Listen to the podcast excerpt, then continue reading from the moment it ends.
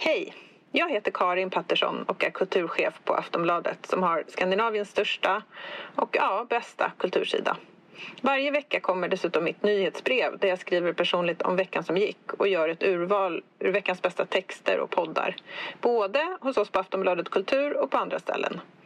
Nyhetsbrevet kostar ingenting och du får första tjing på inbjudningar till våra event och samtalskvällar om litteratur och idédebatt. Gå in på aftonbladet.se kulturbrevet och bli prenumerant. Hej då! Hallå! Hallå där! Hallå där! Nu är jag på plats. Ja, härligt. Jättehärligt. Mm. Ska vi eh, bara köra igång? Ja, visst, vi gör det. Mm. All right. Um, om två veckor, nej, om en vecka. Gasp. Gasp. Gra gasping for air. Uh, uh, jag sprang hit. Uh, vad heter det? Om en vecka så, så är det vår live show, vår livepodd på Skala teatern. Mm. Och vi ser så mycket fram emot den. Det kommer vara så himla kul. Vi liksom håller på och förbereder och ah, det är så många det, inkopplade ja, nu. Alltså. Det blir once in a, in a lifetime att vi gör det här tioårsjubileet. Vi kanske gör det igen om tio år. Ja, verkligen. Men eh, ja, precis. Det har sålt jättebra och är nästan fullbelagt. Men det finns några små platser kvar som man kan knipa. Gud vad kul. Att du, jag, tror det, för jag kollade in och då såg det liksom helt sådär att det var nästan som att det var fullt. Men det finns alltså några, ja men det finns typ, ja, det finns några det finns några kvar. platser kvar. Så varför inte ta chansen att se en Vargsaxin-podd live? Vi kommer summera de tio åren som har gått och även blicka framåt. det kommer bli kul. Eh, bjud din eh, kompis som ja. en uh, mysig överraskning. Mm. Eller din dejt. Eller ta med mm. någon på dejt. Ta med någon på en blind dejt. Då kan man prata om sen vad vi pratar om och bara, gud, eh, jag håller inte med henne alls. Vad fan händer? Och så kan man känna gemenskap. Exakt, verkligen. I hur dum i huvudet jag är till exempel. Så jag vill jättegärna... Det, ja, men precis, det finns några platser kvar. Eh, så, Ta med, ja, eller gå med din mamma. Ah, ta, ta, ta med din mamma ut, då blir hon glad. Mm. Det kommer vara jättetrevligt. Mm. För det är um, ett, um, ett slags event, en livepodd som är liksom, det är lite speciellt event. För det är liksom ett mellanting mellan en uh, det är liksom inte så ansträngande upplever jag som att det kan vara att gå på en konsert eller teater eller så. Utan det är liksom lite lagom.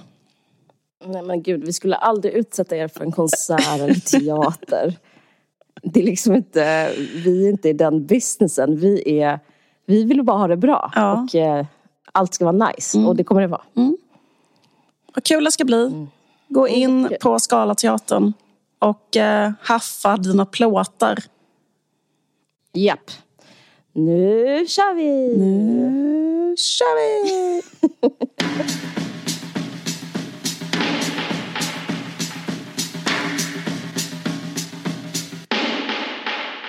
En av världens största och mest älskade poeter har släppt nytt material. Mm. Jag pratar såklart om Lana Del Rey. Mm. Nu i veckan, och vi spelar in lite i förväg för det är påsk, men nu i veckan så släppte hon sitt eh, nionde album. Mm. Did you know that there's a tunnel under Oceans Boulevard? Heter det här albumet. Hur bra titel? Väldigt, väldigt bra titel. Mm. Det finns tydligen en tunnel under Oceans Boulevard. En, en tunnel som stängdes 1967. Det här är ju väldigt mycket Lana culture. Mm. Att vara besatt av en sån sak. Att det tydligen finns en jätte, jättevacker handgjord tunnel som med så handgjord, handgjort kakel. Mm. Eh, som är typ helt klädd i det här handgjorda kaklet. Och eh, sen stängdes den tunneln och ingen kan längre se den eller gå ner där och så, men den är där under. jag vet inte om vi har pratat om det här innan i en Vargsaxen-podd. Jag tror det. Typ att alla artister har typ en känsla som de utgår från hela tiden. Mm, spännande. Jag, inte, nej, jag tror inte det. Berätta. Ja men typ så här, jo men vi har pratat om det men du har glömt det. Men typ så här att... ja, men typ så här, Parting with a say ja, men liksom ja. det, det, är nästan så att det finns typ, typ, typ så, här, en vibb som typ liksom folk skapar utifrån. Mm. Typ så här... Eh, Tåströms vibb är så här, fan, fan, fan. Typ. Den känslan. Mm. Fan, det borde varit du. det skulle varit på Du bara citerar ju sitt. Alltså, det, det, det är liksom hans kreativa hans text, ju. motor, liksom, eller det är där det liksom gör ont, om man ska säga. Eller liksom att, så här, den här liksom, eh, se ja. sentimental ånger, eller liksom, fan det skulle varit på något annat sätt. Eller, alltså den där känslan. Ja, ja, du tänker så. Mm, mm, mm, mm. Liksom lite i alla fall. Eller liksom typ så här... Um, eller tänk på liksom... Jag menar, det, det är ofta tycker jag man kan pinpointa så bara, den, den, den, dens liksom kreativa... Vad är Bob Dylan då? Ja, men är inte det liksom... Det är väl... Uh... Gypsy King. Nej men eh, jag Är inte det ja. liksom... Uh, uh, det är väl typ samma som Thåström på ett sätt. Jag vet inte. Ja, det är lite samma. Det är väldigt mm. många som har samma. Verkligen. Det är liksom, Lana har också lite samma. Lana har ju, jag läste faktiskt om Lana för att jag tyckte det var så intressant därför att um, hon berättade, har tydligen berättat att hon liksom när hon var ganska liten, att hon, ja men kanske fyra, fem år när hon liksom fick reda på att alla människor ska dö typ, och att döden finns. Mm. Att hon blev så jävla, liksom, att hon blev så fruktansvärt liksom, eh, eh deprimerad och melankolisk och fick så jävla mycket ångest av det. Och mm. Eh, sen att den liksom, ångesten höll i sig. Alltså hela hennes liv och liksom fortfarande håller i sig. Men att hon bara så här, minns sin barndom som att hon blev liksom alkis när hon var typ 13-14 för att hon bara mm. klar liksom... Det är väldigt vibe att vara en barnalkis. Mm. Verkligen. Ja. Men eh, jag vet inte, för det är liksom både du och jag har ju barn som är eller har varit i den där åldern ungefär liksom när man, jag tycker det är rätt så intressant som mamma att man är tvungen att vara med om det från andra sidan. Att man ska berätta, man, måste, man ska breaka för någon att det är så att döden finns. Oh. Eh, och det är så himla sjuk situation. Typ att man liksom... Jag har ju tre barn, alla de har tagit det på lite olika sätt. Men att det liksom har...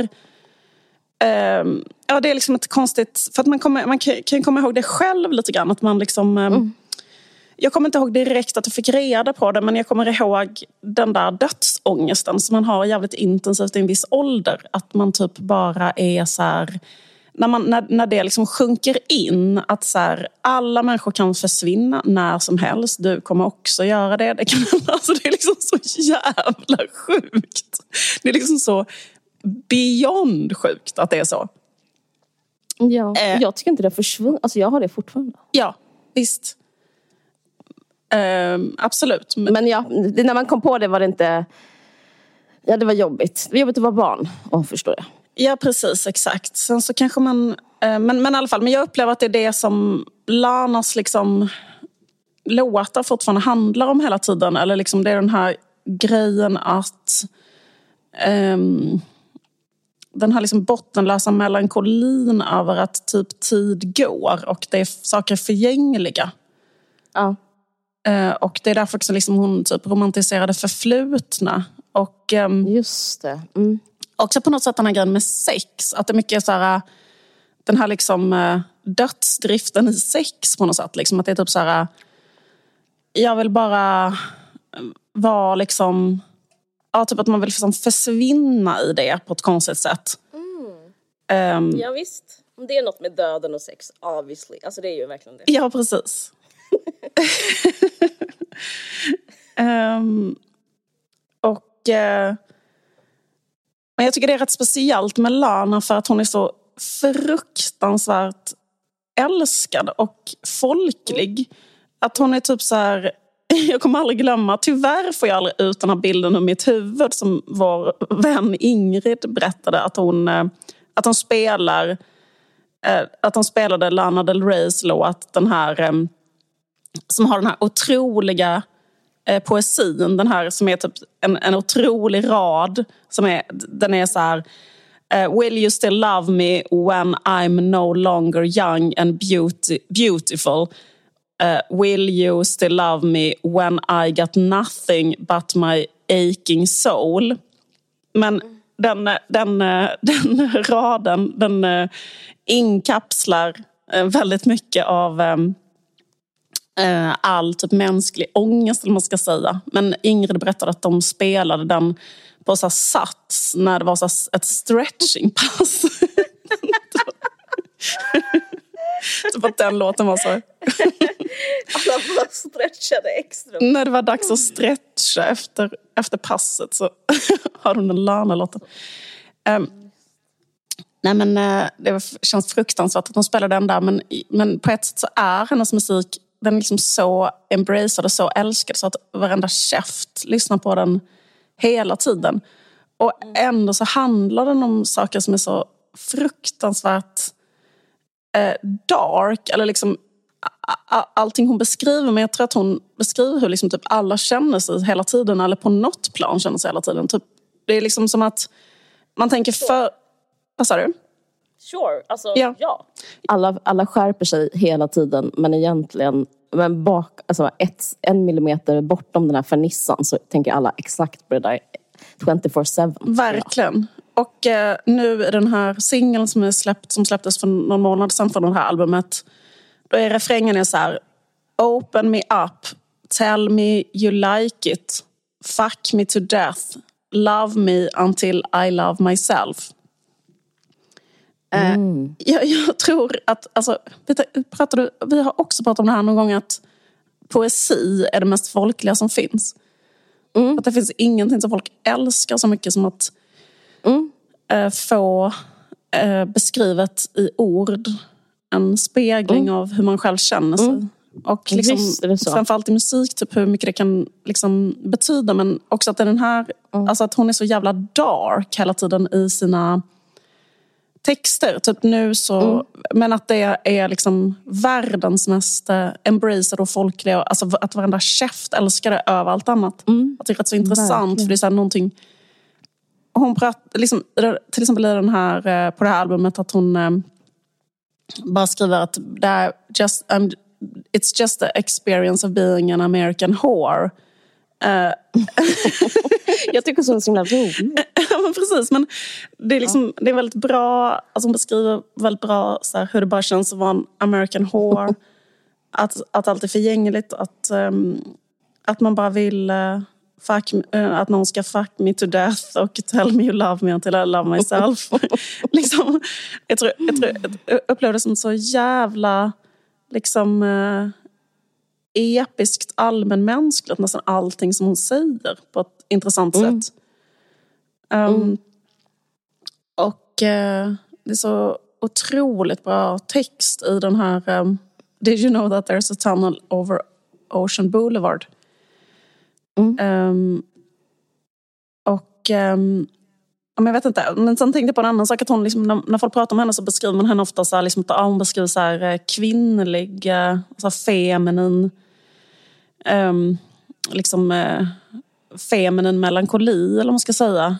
Men jag, tycker, liksom, jag upplever henne som så fruktansvärt liksom, um, allmänmänsklig. För jag upplever det också som Verkligen. att hon är så typ, nästan killig i sitt... Alltså det, det, jag tycker det, det är så himla typiskt killar att känna så här fuck me to death. Mm. Um, men också typiskt tjejer. Alltså det är väldigt, hon är väldigt mega allmänmänsklig. Alltså ja, hon är ju mega typ sånt trubadur.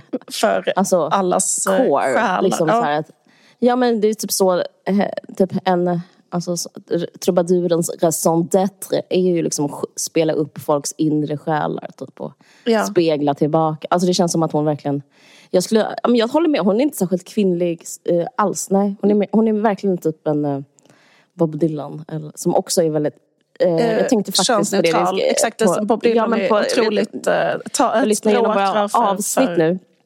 Vi har ett avsnitt som heter Bob Dylan-kvinnan. Jag ska mm. absolut inte göra en lång utläggning. Men jag tänkte på det. Jag hann bli lite arg alltså innan jag gick hit. För jag blev så rasande över typ att det är så här, ah, gjort liksom en så här avvikt liten kap kapitel i eh, musik och konst och litteraturhistorien att det skulle vara för män. Apropå Eh, och det, det, är exakt vad du säger nu, fast tvärtom. Att, att mm. Eh, det är så extremt typ, så här, hjärta och smärta att vara människa-tema. Liksom. Mm. Verkligen. Eh, ja. Det handlar ba bara om att vara människa, men ja. det känns verkligen som så här, det tycker jag är liksom den mest, det är kanske nästan den mest pinsamma avvikelsen liksom i feminismens historia att feminister har gett sig på Lana Del Rey. För det, det tycker jag bara är så här, liksom helt Um, jag vill nästan inte ta upp det här för det tycker jag så, det är så jävla missriktat. Liksom. Eller att man liksom inte fattar någonting om man gör det. Att, liksom, mm. att man typ för, försöker fråga henne som bara är en uttolkare av döden och äh, dödlighet mm. om att människans kropp är förgänglig och hur, hur, äh, hur jobbigt det är. liksom att det är så. Och då, mm frågade de henne varför kallar inte du dig feminist eller något liknande som är liksom så här, och sen får fisken på, alltså så förstår du vad jag menar, liksom, mm. är, spelar det någon roll om man är död om man är feminist eller inte? Alltså förstår du vad jag menar, hon är liksom på ett helt annat, hon, hon, mm, hon, hon tunar in på en annan vibe. Um, okay. Jag känner inte till att hon har, att hon har fått kritik. För det finns av feminister? Är det, är det en stor grej? Att mm. liksom, ja det är det. Men, men, eh, dålig typ? Alltså det är så himla sjukt för att jag ja. läste en intervju med henne som var nu, apropå släppet av hennes album, i mm. uh, Interview Magazine. Och då är det, det. Billie Eilish som intervjuar henne.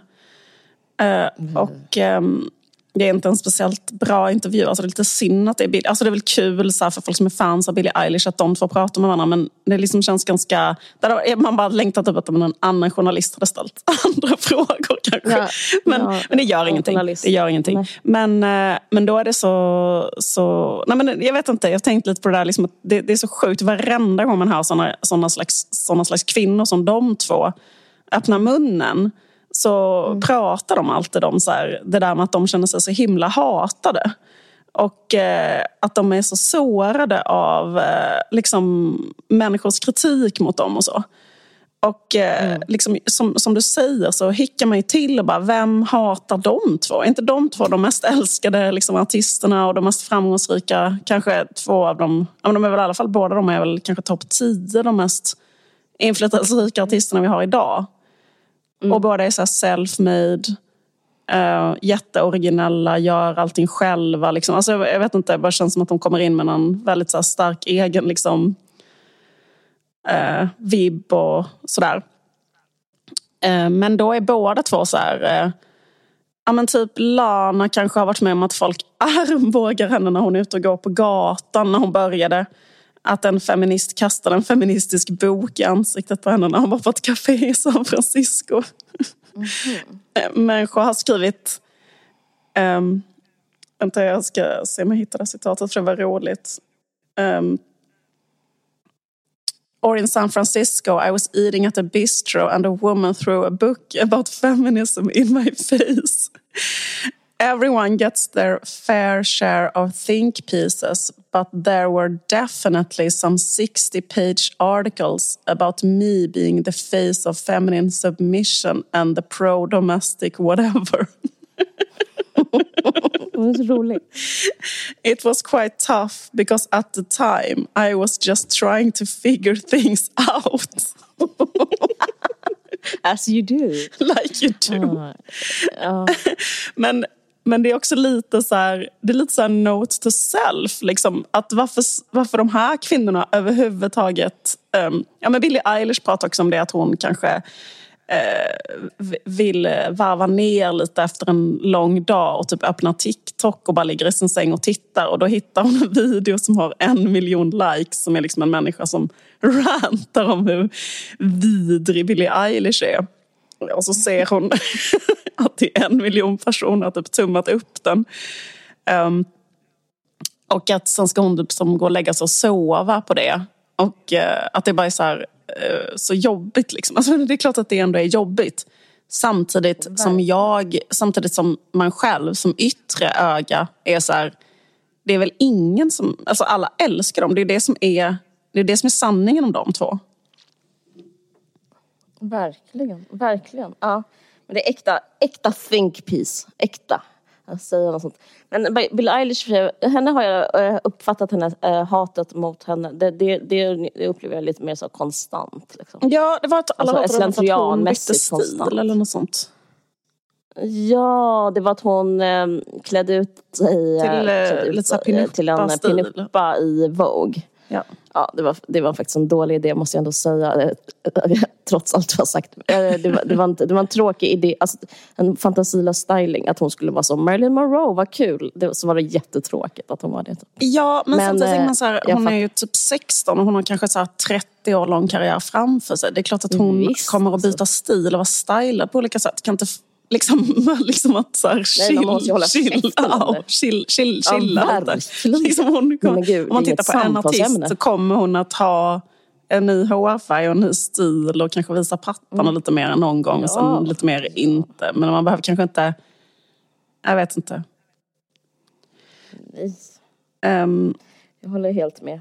Alltså självklart. Ja men precis. Men, men, eh, men, sen så men ingenting av det här spelar någon som helst roll. För anledningen till att folk är så hysteriska över allting som de här mm. kvinnorna gör är ju för att de är helt besatta av dem. Alltså från början. Det är det som är hela, um, det är det som är hela liksom grundkänslan. Ja men visst. Um, men uh, men det var vissa grejer som Lana Del Rey sa i den här intervjun som jag tyckte var väldigt intressanta.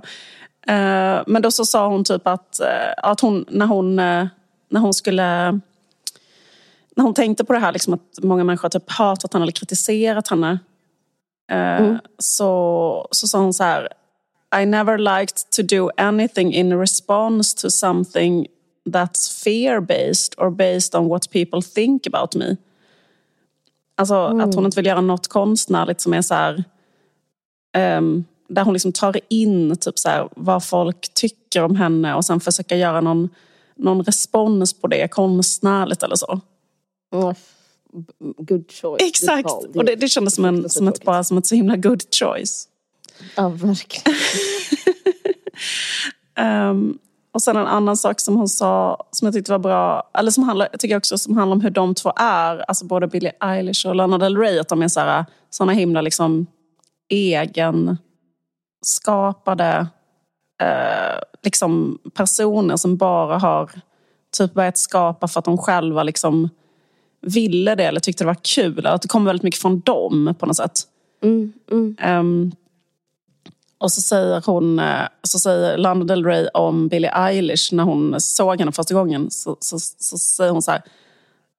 Uh, I was like, this is the girl. She isn't just talented. You can tell she's kind. Jag tyckte det var, de, de, dels är det jätteäkta Lana culture att, uh, att vara så här, att gilla någon för att den är snäll. Mm. och sen mm. också så fortsätter hon så här. It didn't feel like you were aspiring to be anything.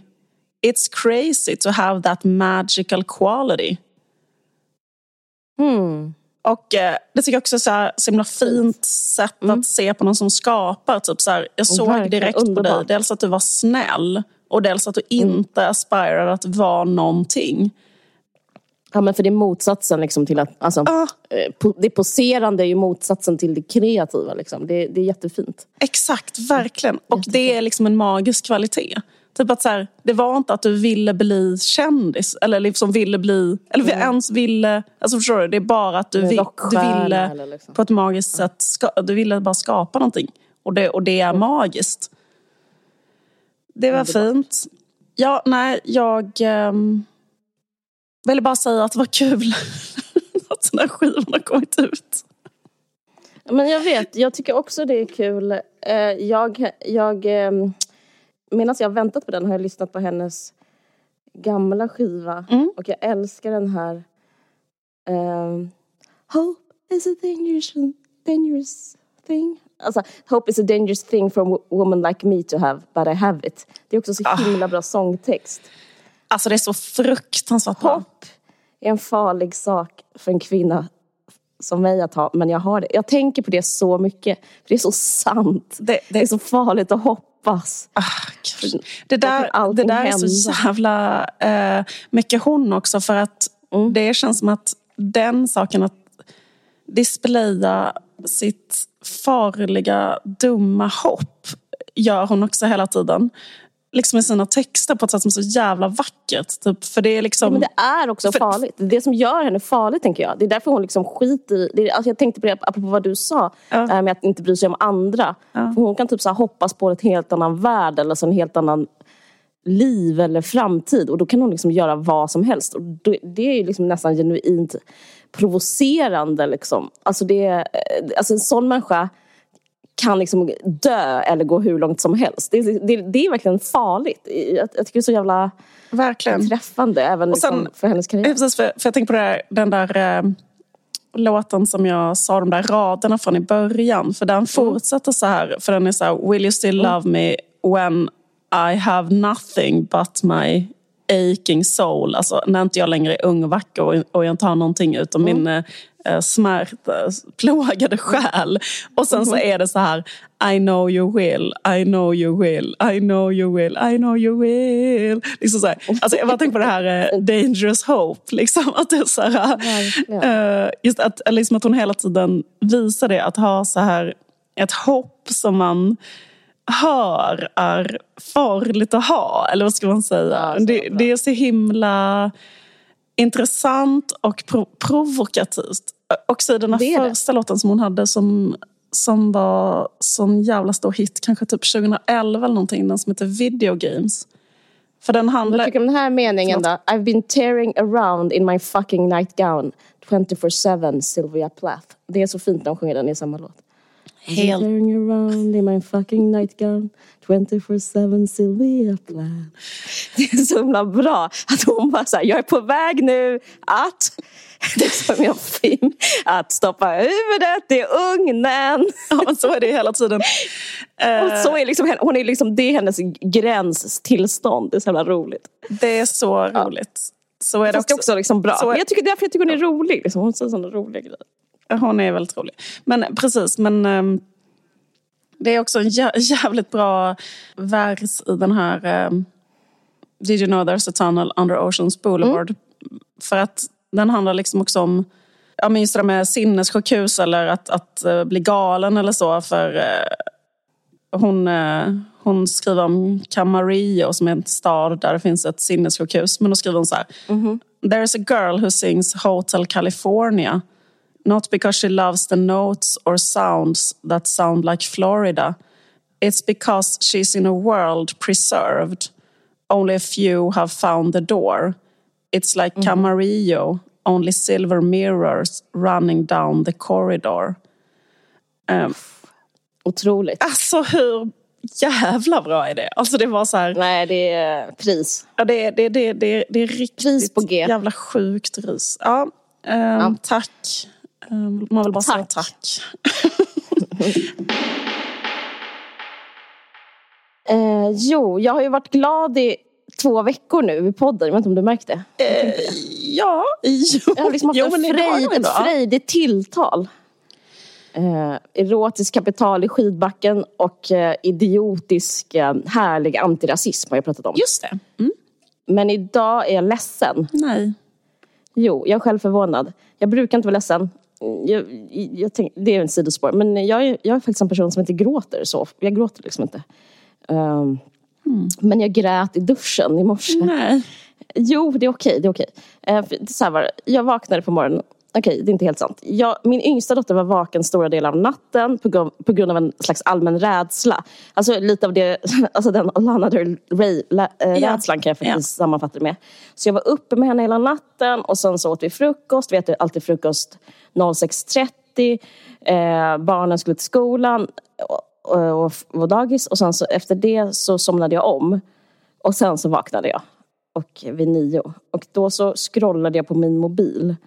Och det första jag såg var riktad reklam till mig själv. Mm. det var Dramaten, det är roligt.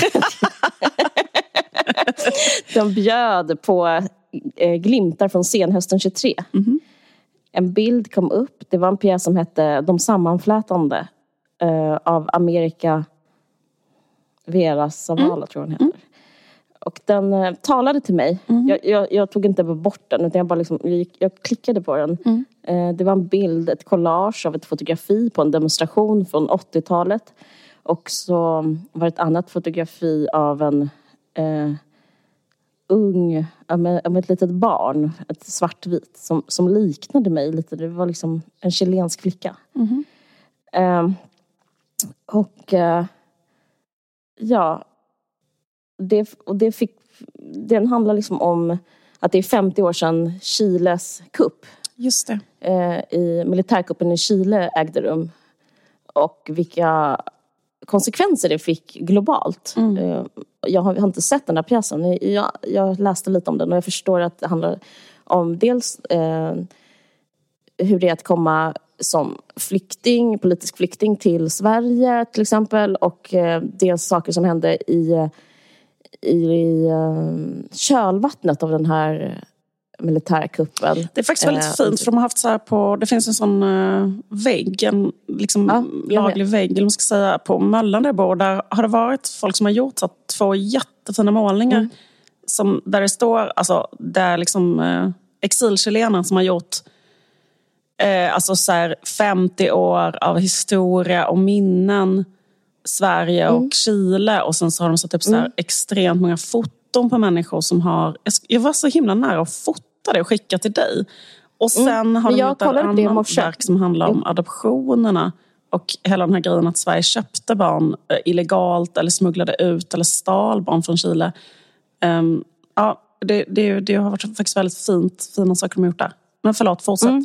Nej, men det är 50 år sedan kuppen och det är därför kommer den här pjäsen nu. Den handlar om, sammanflätningen eh, syftar på att hon eh, är eh, Amerika som har skrivit den. Hon, hennes föräldrar, hon kom med sina föräldrar jag tror hon kom 80 hit och ehm, eh, så handlar historien om, om en som blivit eh, köpt av svenska staten. För svenska staten eh, köpte barn eh, från Chile och eh, utförde massa illegala adoptioner.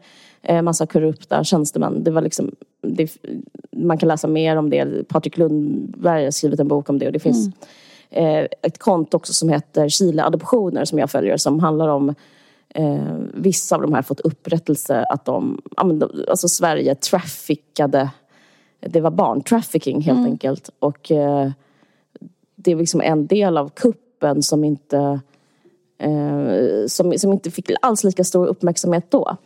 Ja, men grejen är, anledningen till att jag grät var liksom för att det här har, det, liksom, det, det var deras historia hon berättade men liksom också min historia. Och gud, jag, jag kan typ inte prata om det. Nej jag, jag vill absolut inte gråta på podden. Jag tycker det är så konstigt för det är som överfaller mig. Men det är bara för att det har med mig att göra. Mm. Eh, så här, personliga grejer. Mm. Förlåt, det är så himla... Jag är faktiskt förvånad över att jag blir så ledsen själv. Nej men, det är deras historia men det är också min historia. För liksom, jag... Jag vet inte vad pjäsen ska handla om men jag antar att den ska handla om det som alltså hur det var att komma hit. Och jag kom inte hit men liksom Amerikas eh, föräldrar så jag tror att hennes ena förälder är svensk, den andra är chilensk och hennes pappa är chilensk och exakt det, min pappa är chilensk och eh, det finns liksom en, sann, en sån jag har en sån märklig upplevelse liksom över hela mitt liv i förhållande till det här. För det är, jag tänkte på den där bilden av demonstrationen på 80-talet för ett eller 90-talet kanske det var. För så var det typ, min pappa kom hit efter kuppen, han som politisk flykting, en exil, exilchilenare och träffade min mamma. Och liksom hela mitt liv är påverkat av det här. Mm. Och... Eh, hela ditt liv beror på det här ju. Alltså. Ja, verkligen. Mm. Jag minns hur det var att vara barn i liksom, i den liksom att vara en av eh, en del av, en del av det här på 80-talet i Stockholm och 90-talet och så. Eh, och jag minns hur det var i Sverige då. Och det är det som gör mig ledsen. Mm.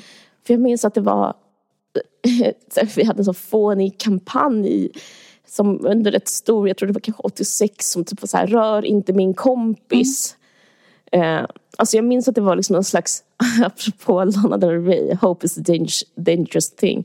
För då var det som en slags det var liksom ett hårt rasistiskt samhälle. Jag ska inte skönmåla Sverige förr i tiden, jag är inte galen. Men, men jag minns att det var så här att min pappa var en svartskalle och uh, men stämningen var så här att de som tycker att han är svartskalle, de är liksom konstiga och dumma och de ska liksom snart omvändas. Mm. Mm. Och eh, liksom, det var rätt många som hade en medvetande, medvetenhet om, om vad som har hänt liksom, med de här olika, det var flera militärkupper i Latinamerika och liksom, eh, det fanns liksom en slags förståelse och vilja till att välkomnande generositet och liksom mm. så assimilerings tummar upp mm. liksom för det. Och, och jag var barn i den verkligheten. Och eh, dels var det den här, eh, jag minns väldigt så starkt den Rör inte min kompis-kampanjen. Och det, för jag minns det för att dagisfröknarna hade den och eh, typ så här, de på Konsum hade den mm. eller liksom mm. SL-personalen hade den. Mm. Sådana pin, liksom med typ en hand. Mm. Eh, som var så att jag jag är emot rasism. Mm, typ. mm. Den är faktiskt så fin den kampanjen också för den delar ju faktiskt inte upp folk heller. Alltså det står ju inte... Det står liksom inte vem, vilken kompis nej, vilken kompis då, utan det är bara så här... Eh, det, det är bara att nej, man är solidarisk med människor. Ja men precis. Och, det, och, då, och då var det som att jag var barn, jag minns det som, och tänkte så här, men nu är jag... Det här är liksom början på, det här är en början av någonting. Jag är ett barn, jag ska mm. bli stor.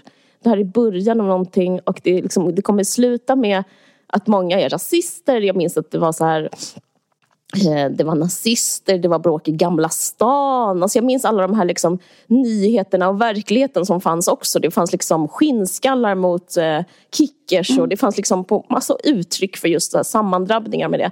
Men att det var liksom ett sätt att det fanns liksom en optimism som jag liksom kände av eh, som, eh, som var att så här, det kommer sluta i att en dag kommer alla så här, inte vara rasister. Mm -hmm. Och det var liksom inte bra då. Jag minns så här, ordet svartskalle ven i luften jämte ständigt och eh, allt sånt där. Men det var, liksom, det var ändå en känsla av att vara i början av någonting. Mm. Jag vet inte, sen så liksom när jag såg den här bilden, det var också fick, jag blev så otroligt påverkad av den här reklamen. Jag läste om den. Det var Daniel Espinosa som, han har, jag tror han gjorde första Snabba Cash-filmen. Han är regissör. Och uh, han, uh, hans farsa kände min farsa och vi lekte, jag och mina bröder lekte med eh, Daniel Espinosa och hans syrra när vi var barn. Eh, det här är liksom inget jag själv kommer ihåg utan det har jag fått berättat för mig. Men det, och, men det i sig som är berättar en annan sak om typ rasism. Eller, jag, ska försöka, jag tycker det här är svårt att prata om för det finns inga för liksom det, jag försöker prata om det på ett sätt som inte har att göra med politik. Utan, eller det är väl politiskt fast det liksom rör sig in i folklagren eller liksom i själen på något sätt. Alltså, det är liksom den här biten av rasism som är onämnbar. Alltså det är inte tabu eh, att prata om rasism men, det, men, det, men delar av den är mm, utan namn eller saknar språk. Och jag skulle säga att det är liksom en del av rasismen. Ehm, jag skrev i min bok, om, det är kroniskt, skrev jag väldigt mycket om kuppen och dess verkningar gestaltat fast då i person, på ett personligt plan i så jag-form. Men alltså, och det var ingen som tog fasta på det. Eh, alltså jag fick jättefina recensioner mm. men ingen tog, ingen tog upp berättelsen om invandraren. Eh, för det handlar också, det finns en båge i boken som handlar om en invandrare som kommer efter kuppen, alltså en politisk flykting, eh, försöker leva i Sverige men sen eh, återvandrar kan man säga.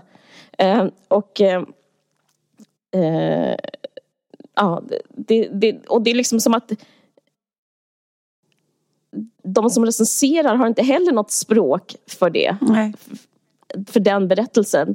Och då liksom blir den berättelsen, det blir som ett meta, en metaspegling av den berättelsen. en person som recenserar som vet jag har skrivit själv om försvinnanden och sådär men, men den, den personen eh, fokuserar bara på formen vilket är kul. Jag tycker jättemycket om att diskutera, jag älskar språk och sådär men, men, men det blev som ett bevis, nästan ett kvitto eller som en metaberättelse, liksom den här tystnaden om den berättelsen. Alltså, för det är liksom, tystnaden är så stor del av det här försvinnandet av de här chilenarna i mitt fall som, alltså, som jag känner till bäst. Det är liksom, väldigt många blev bortförda och mördade av eh, militär eh, av liksom Pinochet. Mm. Um, och jag menar inte att svenska journalister eller liksom mina recensenter, jag är liksom inte en galen narcissist. Men liksom, det, det är som att så här, försvinnandet och tystnaden är så stor del av den historien. Och liksom det, eh, det, det liksom, och att inte få det speglat någonstans liksom blir som ett försvinnande av den delen av boken och mm. i förlängningen försvinnande av mig. Eller liksom det blir någon slags bumerangeffekt eh, som jag upplever med liksom den här, en del av en svensk rasism som, som ser ut så här som, som är väldigt, ja, som är ordlös för mig. Jag, nu, det är nu jag försöker prata om det men det är svårt att prata om det.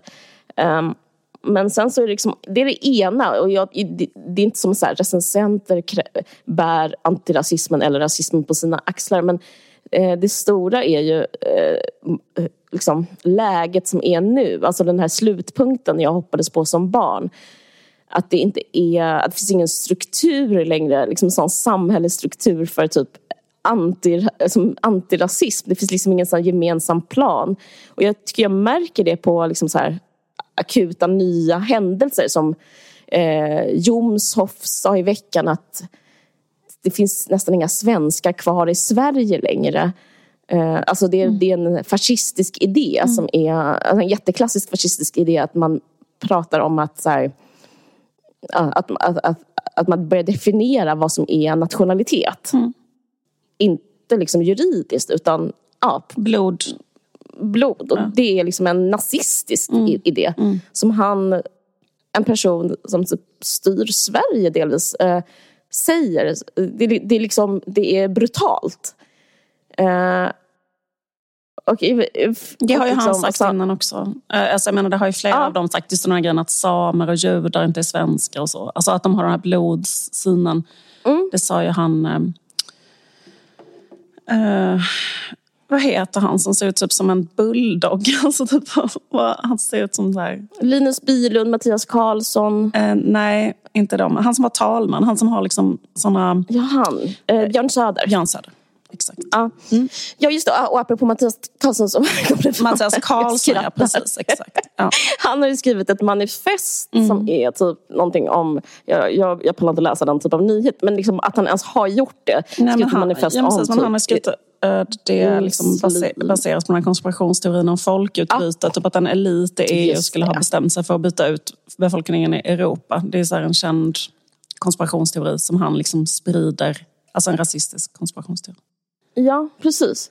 Nej, men jag, jag, och de, jag bara men jag, menar, jag dem som det, alltså, Jag blir inte förvånad över det. Att det jag kommer inte avslöjande för det blir som så här, det är så absurt. För det, man vet ju, ja. alltså, de kommer ju från de där rörelserna och jag mm. vet exakt vilka de är för att jag växte upp på 90-talet, jag är typ lika gammal som Jimmie Åkesson. Jag, liksom det var, de rasistiska rörelserna var samtidigt. Nej, men fattar du vad jag menar? Jag vet vad de... Nej, men alltså, det, det, liksom, det, de ja. var rasister då och de är det fortfarande. För att det var därifrån, det var det de var. Och, alltså, jag menar, det, är liksom inget, det finns mm. inget att säga om det.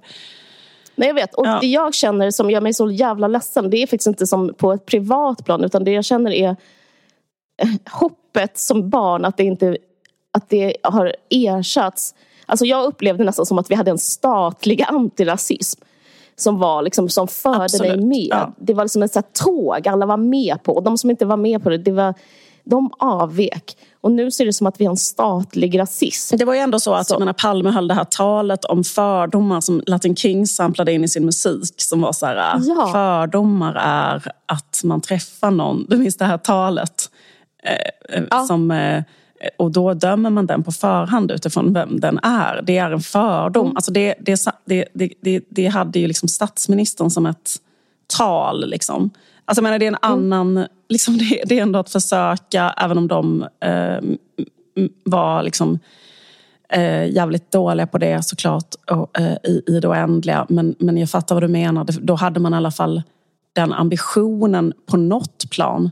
Och här men har man motsatt ambition. Jag upplevde att var inflätad i, eh, inflätad i liksom vardagen och politiken och liksom, eh, att den sipprar ner i, eh, i infrastrukturen på ett sätt som den inte gör nu. Nej, nej. Jag upplever tvärtom att det finns en insipprad rasism ja, i infra, in, infrastrukturen och, och, den, och den syns på olika sätt.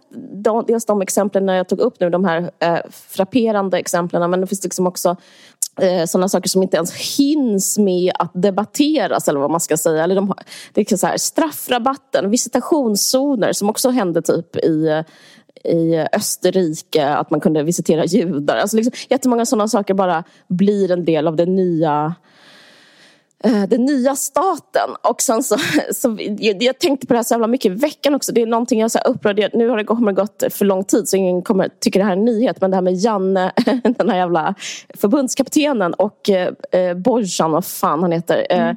Eh, då var, jag, jag, tyckte inte det var rasistiskt. Eller jag ansåg direkt, jag såg det jävla klippet och, och typ han säger vad mm. representerar du? Jag representerar eh, Sverige. Åh mm. fan sa han då.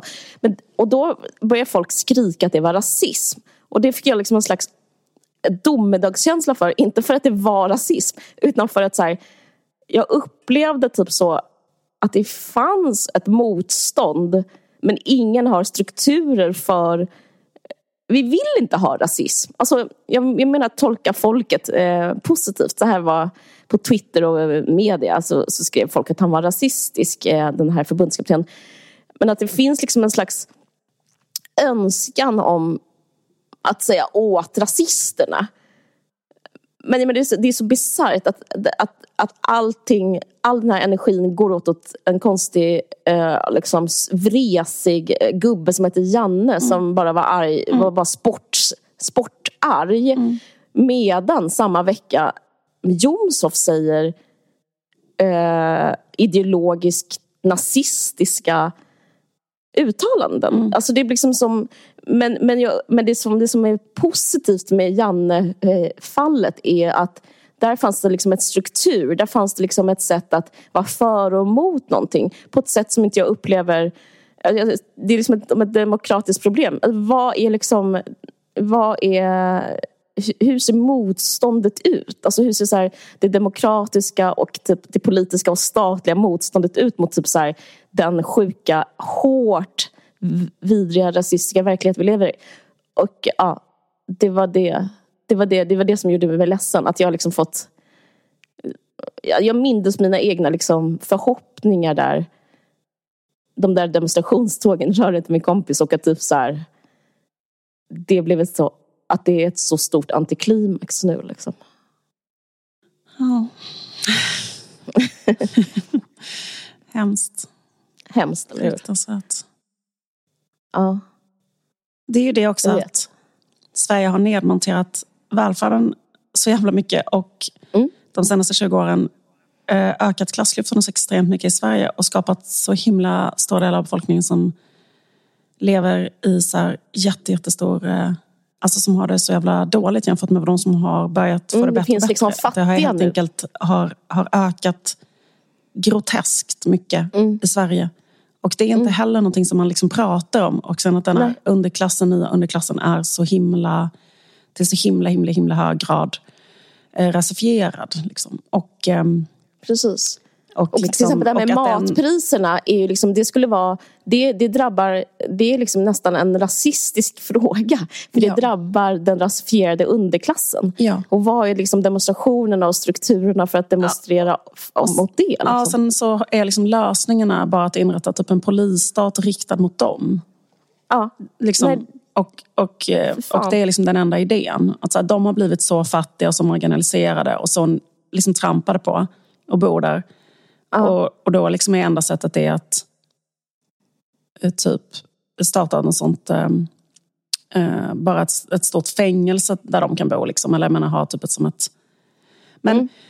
men det är liksom... Men för att, jag glömde säga en sak, för att knyta ihop säcken lite så är det också så här, Ja, alltså min pappa kom hit som politisk flykting och togs emot av Palme och all, med mm. liksom allt vad det innebar.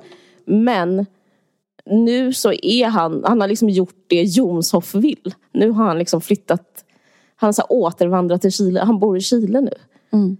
Jag bara, ah, jag vet inte, det är, liksom, det är sånt jävla misslyckande skulle jag säga. Det är så sjukt i debatterna, på det du pratar om med tystnad och så. Mm. Att dels finns det en sån total tystnad kring det du pratar om som är så erfarenheterna kring migration och liksom mm. vad det är och hur det känns.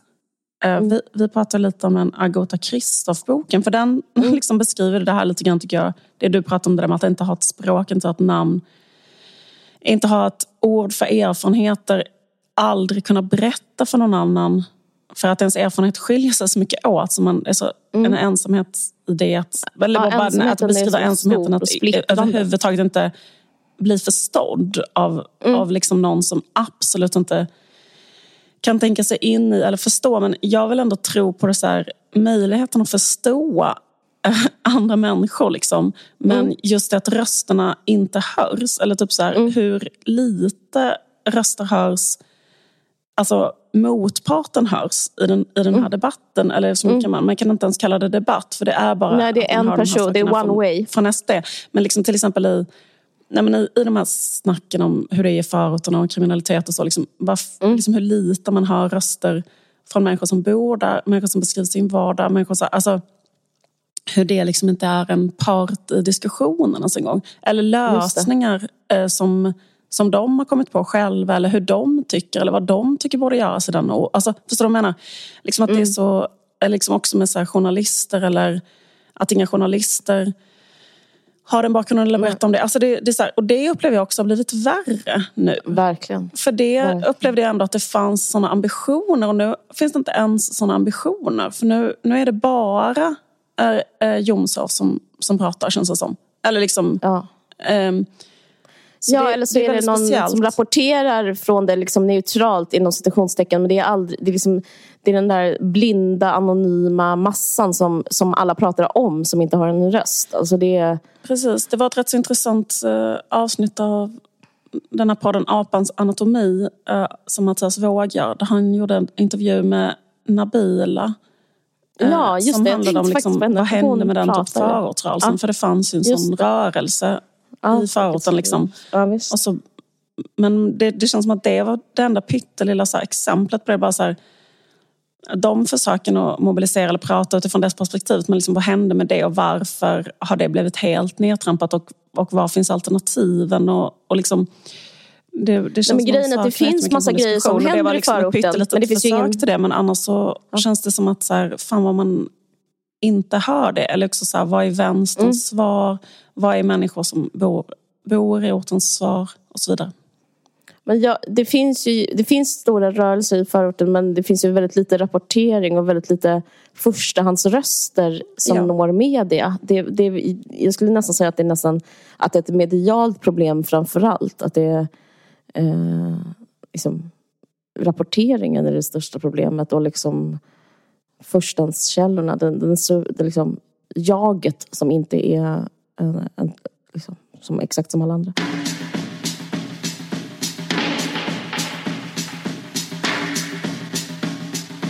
Vi har ett samarbete med Folkteatern Göteborg. De kommer ha urpremiär nämligen för en, en, eh, en pjäs. Urpremiär betyder ju att det är helt, helt nytt. Och det här, den här pjäsen heter Skönheten i kaos och den är baserad på en bok av Julia Ravanis. Jag tror att den här boken kom 2021 eller något sånt där. Och eh, hon är också, tror jag, civilingenjör eller någonting. I alla fall så vet hon jättemycket om kvantfysik. Så mm. den här boken eh, liksom eh, sammanlänkar eh, oförutsägbarheten, eh, mysteriet, kaoset i kvantfysik med kaoset och oförutsägbarheten i mänskliga relationer. Mm. De skriver så här, tänk dig att den ordning du tror på egentligen är ett resultat av slumpen. För vad vet du om de minsta partiklarna? Antagligen inget. För om du vill mäta dem så måste du se dem och då behövs ljus, men ljuset påverkar partikeln och dess egenskaper ändras. Eh, så i alla fall så är det här en pjäs som handlar om den här äventyrliga och extraordinära världen som finns också i Julia Ravanis roman. Där svarta hål gör att tiden och rummet byter plats, där allt kan hända och även det omöjliga är möjligt. Mm. Och um, hur det finns en skönhet i kaoset. I kropparna, naturen och konsten, i det defekta och i det tvetydiga. Ja men precis. Alltså, det, jag upplever det som att Julia jämför kvantfysik Alltså det svåra, det liksom ogenomträngliga, det enigmatiska jämför hon med eh, gåtan om kärleken. Mm. Så banala frågor som är vi ihop nu? Eh, som man frågar i kärlek. Mm. Kan på något sätt vara applicerbara på kvantfysik. Mm. Liksom, när sker vad? Mm. Liksom den, vad, när blir det där magiska, när börjar det vara någonting? Mm. Det som är någonting. Det är väldigt spännande. Verkligen. Eh, och eh, vi har en länk som vi kommer posta på vår eh, Facebook-sida. Och om man klickar på den länken så kommer man få ett fantastiskt erbjudande. Nämligen att man kan se den här pjäsen under hela spelperioden, alltså ända till den 3 juni, för enbart 180 kronor. Precis, och urpremiären är den 29 april på Folkteatern i Göteborg. Det här är alltså ett samarbete med Folkteatern i Göteborg. Och eh, regi står Frida Röhl för och på scen får man se Andrea Edwards eh, som är otrolig, Och Anna Lundström, Sara Wikström och musikern Joel California Man Magnusson och magikern Isidor Olsbjörk. Passa på och eh, gå in och köp eh, den här eh, eh extremt billiga biljetten, bara 180 spänn. Gå på premiären den 29 april eller fram till den 3 juni. Tack så mycket Folkteatern Göteborg. Tack för det här samarbetet Folkteatern Göteborg. Vi har ett samarbete med Saco, Sveriges akademikers centralorganisation. Eh, Saco består av 21 fackförbund som organiserar närmare en miljon medlemmar. Saco arbetar för goda villkor när det gäller lön, anställningsförhållanden och yrkesutövning samt för högre kvalitet på utbildning från grundskola till forskning. Och nu har Saco släppt en rapport som heter Framtidsutsikter som årligen berättar var jobben för högskoleutbildade finns om fem år. Sacoförbundens egna experter har tagit fram prognoser för cirka 60 högskoleyrken. Du får alltså reda på inom vilka områden det kommer att vara liten respektive stor konkurrens om jobben 2028. Framtidsutsikter är extra relevant för dig som planerar att börja plugga till hösten eftersom anmälan till högskolan nu är öppen fram till 17 april. Men det är även bra för det... dig som redan har en högskoleutbildning men vill kompetensutvecklas eller byta bana mitt i arbetslivet. Exempelvis genom det nya omställningsstudiestödet som nu finns på plats. Sacos prognoser ger dig alltså ett bra underlag för att göra ett medvetet studieval där du både kan utgå ifrån arbetsmarknaden och dina egna intressen. All information hittar du på saco.se framtid eller i deras sociala medier. Saco.se framtid alltså om du vill ta del av den här intressanta eh, prognosen om vilka yrken som kommer att vara efterfrågade om fem år. Extremt intressant, eller hur?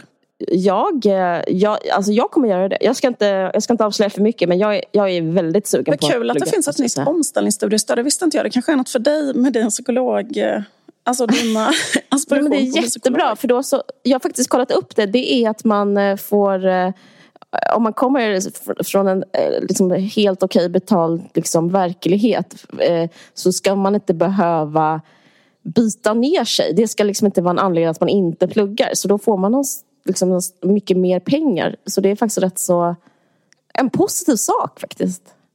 Verkligen. Tack så jättemycket för det här samarbetet Saco.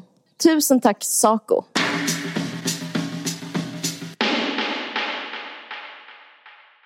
Jag tror fan det blir trevligt. Vi ska verkligen försöka underhålla. Knip de sista biljetterna. Det vore jättekul om ni kom. Det, det är liksom en slags hommage till er lyssnare att vi gör det här. Finns det någonting som vi kan eh, berätta eh, som kommer hända, som kommer vara exklusivt? Det kommer ju att finnas en eh, liten booklet med ett exklusivt material till salu som man bara kommer kunna få tag på Där. Enbart mm. där vid detta tillfälle. Vi ger ut en pytteliten bok. Så kallad en pytteliten, Fanzin kan man kanske kalla det. Boklet. Ja det blir fett. Som och Tommy X gör scenografin. Mm. Det är väl kul också. Och så. Jenny Palén eh, som också är en otrolig konstnär. Så att liksom det blir... Även om vi eh, är väldigt dåliga så kommer det vara en otrolig ja, visuell upplevelse. Det, verkligen. Ja, nej men eh, jag hoppas vi ses. Vi är så, eller jag är mega nervös men jag tar det på väldigt stort allvar. Men det, ja, hoppas vi ses. Hoppas vi ses. Eh, och tack för eh, den här inspelningen Liv. Och tack. vi klara. Själv. nu är vi klara. Glad påsk. Okay. Glad påsk. Okej. Okay. Hej. Hej. Ska vi lägga på eller? Jag lägger på. Did you know that there's a tunnel under Ocean Boulevard? Mosaic ceilings, painted tiles on the wall. I can't help but feel somewhat like my body, mind, my soul. Handmade beauty sealed up by two man made walls. And I'm like, when's it gonna be my turn?